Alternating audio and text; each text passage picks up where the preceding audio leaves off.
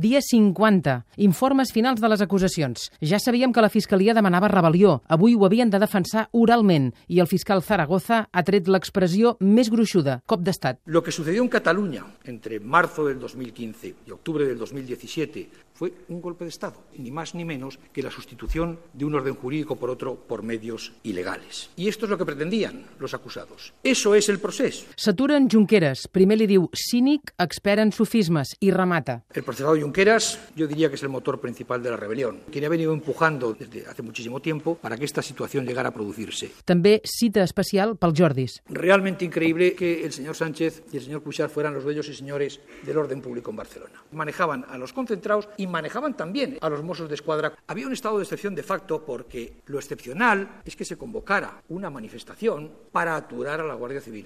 La Fiscalia s'ha esmerçat de valent a justificar que hi havia violència, requisit indispensable d'una rebel·lió. No calen armes ni militars a l'estil clàssic, deia el fiscal Cadena. Tampoc prendre el poder perquè ja el tenien. I conclou, intimidar sense violència física també és violència. I compara 23F i UO. Hubiera pasado, por ejemplo, que el 23F se discutiría su tipicidad, porque el ejercicio de toda violencia, como se dice por la doctrina de una manera generalizada, pues afecta a la intimidación, ya que la existencia de la violencia física pues queda limitada a esas zancadillas o a ese zarandeo al teniente general Gutiérrez Mellado. Per tant, la Fiscalia deixa sobre la taula de Marchena l'encàrrec de vestir jurídicament una rebel·lió, diguem-ne, postmoderna, igual que Vox. el más sofisticado y novedoso proceso golpista contra un Estado de Derecho que nunca antes se ha producido en una sociedad moderna. Vox vol un escarment.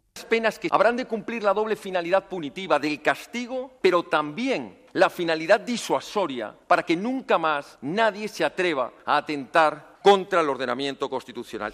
Al contrapunt, l'advocada de l'Estat, que demana sedició, alçament públic i tumultuari, i no veu rebel·lió perquè El uso de la violencia no ha sido uno de los elementos estructurales eh, del plan llevado a cabo por parte de los eh, acusados. i en malversació també un torpeda fiscal al govern. maniobras de encubrimiento, todas ellas, eh, de los delitos de esa organización criminal que ha hecho de la Administración catalana su particular cortijo.